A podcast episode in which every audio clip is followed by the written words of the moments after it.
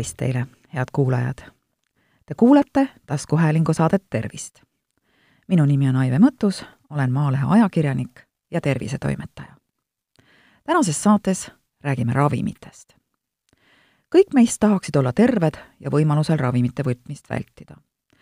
kui tabletid haiguse raviks siiski vajalikud on, tuleb neid aga võtta korrektselt.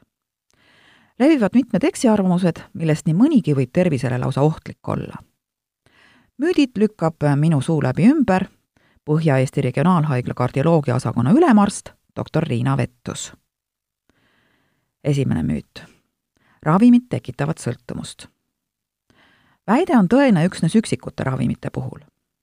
näiteks rahustite ja unerohtude pikaajalise pideva tarvitamise korral võib neist tõesti sõltuvus tekkida. rahustite väljakirjutamisel peab arst sellest kindlasti patsienti teavitama enamikel juhtudel see väide aga paika ei pea. sageli küsitakse arstide käest, kas näiteks vererõhku alandavate ravimite tarvitamisel tekib ravimist sõltuvust ja kas ikka peab pidevalt rohtu võtma. kui nende ravimite võtmine katkestada, ravimi toime kaob, vererõhk tõuseb taas kõrgeks ning inimene riskib tõsiste tüsistustega. seega ravimid toimivad vaid siis, kui tarvitada neid ettekirjutuse järgi. kuna paljud haigused on kroonilise kuluga, tuleb ravimeid nende adekvaatseks kontrolli all hoidmiseks võtta kogu aeg. lisaks on tänapäeval kasutatavatel ravimitel enamasti rohkem kui üks oluline toime. näiteks vererõhuravimite tarvitamise näidustus on kõrge vererõhk, mida ei ole võimalik normaliseerida muude meetmetega, nagu näiteks soolavaene dieet või kaalu alandamine. samas on nende tarvistamise näidustuseks ka erinevate organite kaitsmine. neeru- ja südamepuudulikkuse, infarkti või insuldi ennetamine teine müüt. kui tuttaval on sama haigus, võin võtta tema ravimeid. paraku on nii, et inimesed ja nende haigused on erinevad. seega ei ole olemas üht ravimit või selle doosi kõikide sarnaste diagnoosidega patsientide ravimiseks. arst peab ravi määramisel arvestama väga paljude asjaoludega. patsiendi vanuse, kaasuvate haiguste, analüüside väärtuste ja muu sellisega. isegi kui tundub, et ähm, minu haigus on sarnane naabri omaga, ei ole õige omatahtsi tema ravimeid tarvitama hakata, hoiatab doktor Vettus. kolmas müüt. ravi võib katkestada, kui enesetunne on hea. väide on tõene vaid ägeda haigestumise korral. näiteks siis, kui inimest on tabanud viirusinfektsioon ja palaviku alandamiseks soovitab arst paratsetamooli. kehatemperatuuri normaliseerumisel võib siis tõesti ravi lõpetada krooniliste haiguste puhul see väide aga paika ei pea. hea enesetunde tagab just ravi ning selle katkestamisel võib olukord kiiresti halveneda. kahjuks näeme selliseid olukordi sageli, et haiglaravile saabuvad kehvas seisundis raske südamepuudulikkusega patsiendid, kes on oma algatusel otsustanud määratud ravimite doose vähendada või ravi hoopis katkestada. seni stabiilsena püsinud seisund on siis üta, üsna ruttu halvenenud tõi doktor Vettus näite igapäevasest elust. miks aga inimesed ise otsustavad raviskeemi muuta? selleks on mitmeid põhjusi. kas ei ole arst või õde piisavalt selgitanud raviskeemi jälgimise vajadust või on tegemist inimese enda kindla otsusega ravi muuta? sellistel otsustel on aga sageli tõsised tagajärjed. tekivad tüsistused ja rasked seisundid, mis vajavad pikka haiglaravi ning kujunevad kokkuvõttes väga kulukaks ravisoostumuse parandamiseks on aga mitmeid võimalusi. üks sellistest on näiteks kasutada eh, selliseid tablette, mille sees on mitu toimeainet. on ju oluliselt kergem eh, kolme erineva tableti asemel võtta päevas üks tablett, mis sisaldab kolme olulist ravimit. ja neljas müüt. ravimi doosi suurendamine on halb märk. ravimi esmakordsel väljakirjutamisel ei alustata tavapäraselt kohe maksimaalse doosiga. doosi korrigeerimine vastavalt vajadusele toimub pikema aja vältel. ravimi doosi tõstetakse üldiselt äh, sellisel juhul kahe-kolmenädalaste intervallidega kuni vajaliku toime saavutamiseks maksimaalse doosini. see on tavapärane raviprotsess ega tähenda, et midagi oleks valesti. õblukese naise ja turske mehe ravimiseks lähebki vaja erinevaid annuseid. on aga ka teistsuguseid näiteid raske südamepuutulikkusega haigel rahuldava ravitulemuse saavutamine eeldabki aeg-ajalt ravi korrigeerimist. näiteks õhupuuduse süvenemisel ja tursete tekkimisel on vajalik diureetilise ravi doose tõsta, et kiirendada liigse vedeliku eraldumist organismist ja olukord stabiliseerida.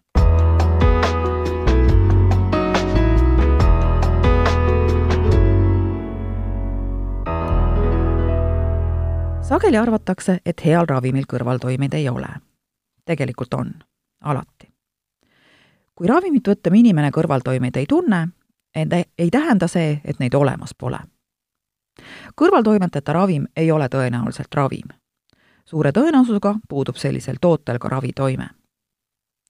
ravim lubatakse turule ainult juhul, kui on kindel, et ravist oodatav kasu on suurem kui kõrvaltoimete risk ning see selgub kliiniliste uuringute käigus kliinilised uuringud, mis tehakse enne müügiloa saamist, on siiski suhteliselt lühiajalised.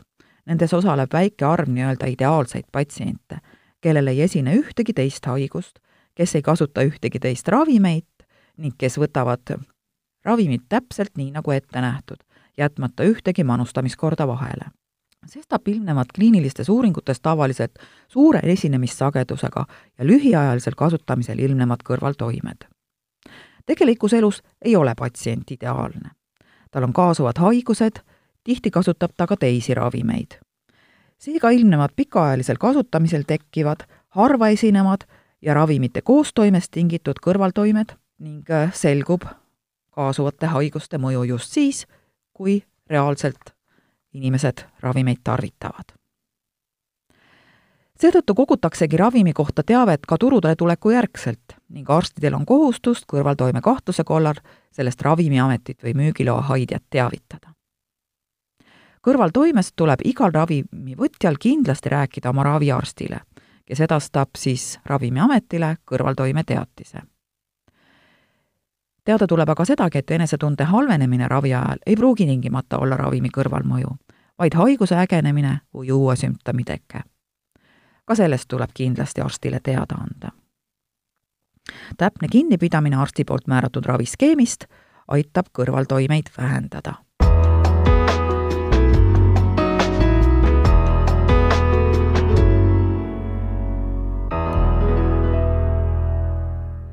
asi, mille peale mõnikord ei tulda, on see, et ravimite reisile kaasavõtmiseks võib vaja minna luba kas siis Ravimiameti luba, Schengeni tunnistust või retseptikoopiat, mis aitavad tõendada, et arst on selle ravimi inimesele isiklikuks kasutamiseks välja kirjutanud ning ravim on apteegist ostetud.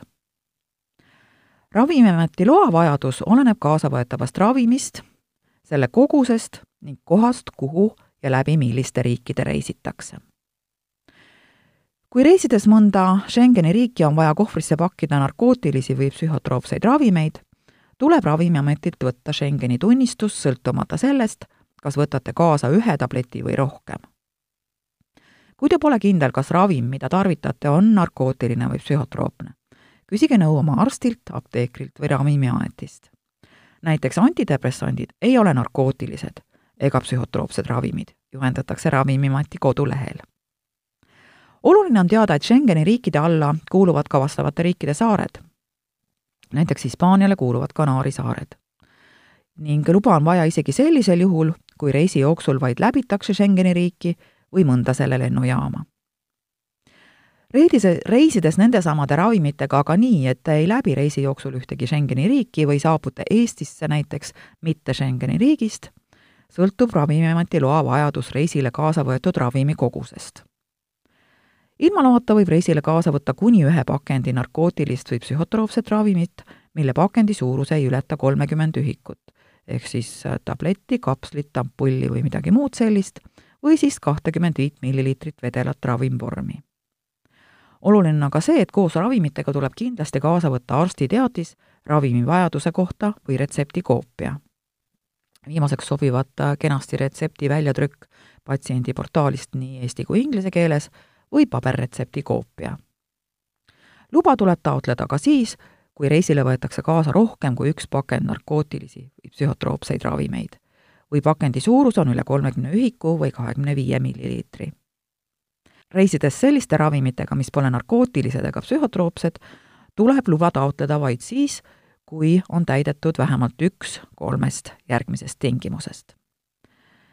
reisile võetakse kaasa rohkem kui kümme erinevat nimetust ravimeid, reisile võetakse kaasa ühte ravimit rohkem kui viis pakendit või mõne kaasavõetama ravimi pakend on suurem kui kakssada tabletti või kapslit, viissada grammi pulbrit lahuse valmistamiseks, viissada milliliitrit suukaudset või infusioonlahust, kolmkümmend ampulli või viaali süstitavat ravimit, kakssada milliliitrit või kakssada grammi välispidist ravimit, kakssada annust inhaleeritavat ravimit, kümme ravimplaastrit, viiskümmend grammi homöopaatilisi graanuleid või sada grammi drooge. no see loetelu sai nüüd küll päris pikk ja meelde see kindlasti ei jäänud, aga kogu see info on olemas Ravimiameti kodulehel ning juhiseid, kuidas Ravimiameti luba või Schengeni tunnistust taotleda, leiate sealtsamast kodulehelt ja ning selle aadress on www.ravimiamet.ee. head kuulajad, te kuulasite taskuhäälingu saadet Tervist saate leiate Delfi podcastide pedast tasku, nutirakendustes Spotify, Apple Podcasts, SoundCloud ja teised. hakake jälgijaks ja kuulake just teile sobival ajal. ettepanekuid teemade kohta, mida saates käsitleda, ootan teilt e-posti aadressil tervist.maaleht.ee. minu nimi on Aive Mõttus, olen Maalehe ajakirjanik ja tervisetoimetaja. tervist teile!